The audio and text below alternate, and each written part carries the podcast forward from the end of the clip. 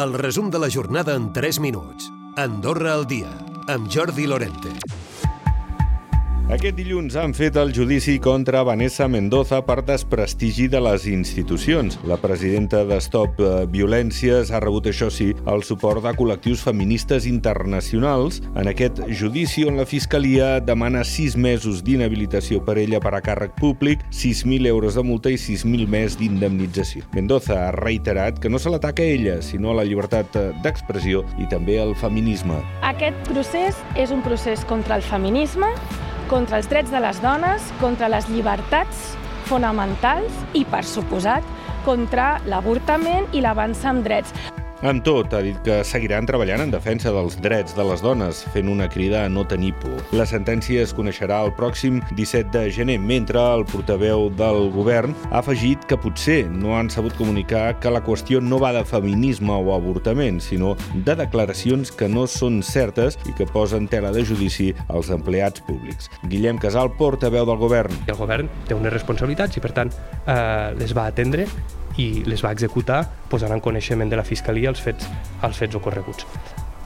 Si desprestigi ja, i li torno a repetir, eh, és realment perquè no s'ha fet la feina de context i perquè segurament el govern no s'ha pogut explicar-la prou bé.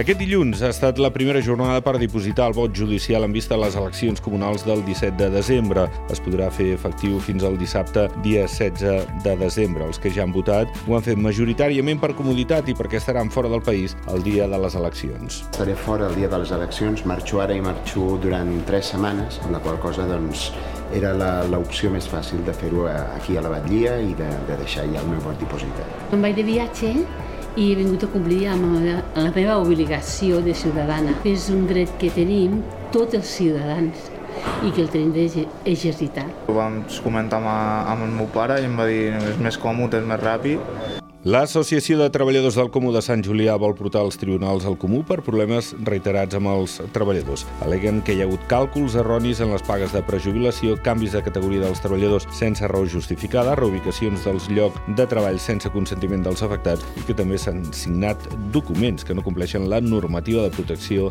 de dades. Ha parlat sobre això el cònsul major, Josep Majoral. Haver-se d'acostumar a unes noves maneres de treball, a doncs moltes vegades genera, genera ampolles. Si l'implicat ens ho acorda i ens ho permet, hem d'explicar cas per cas el per què i el què de la seva situació. Aleshores, podríem parlar de transparència.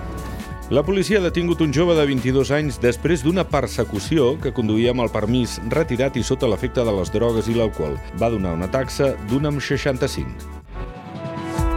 Recupera el resum de la jornada cada dia a AndorraDifusió.d i a les plataformes de podcast.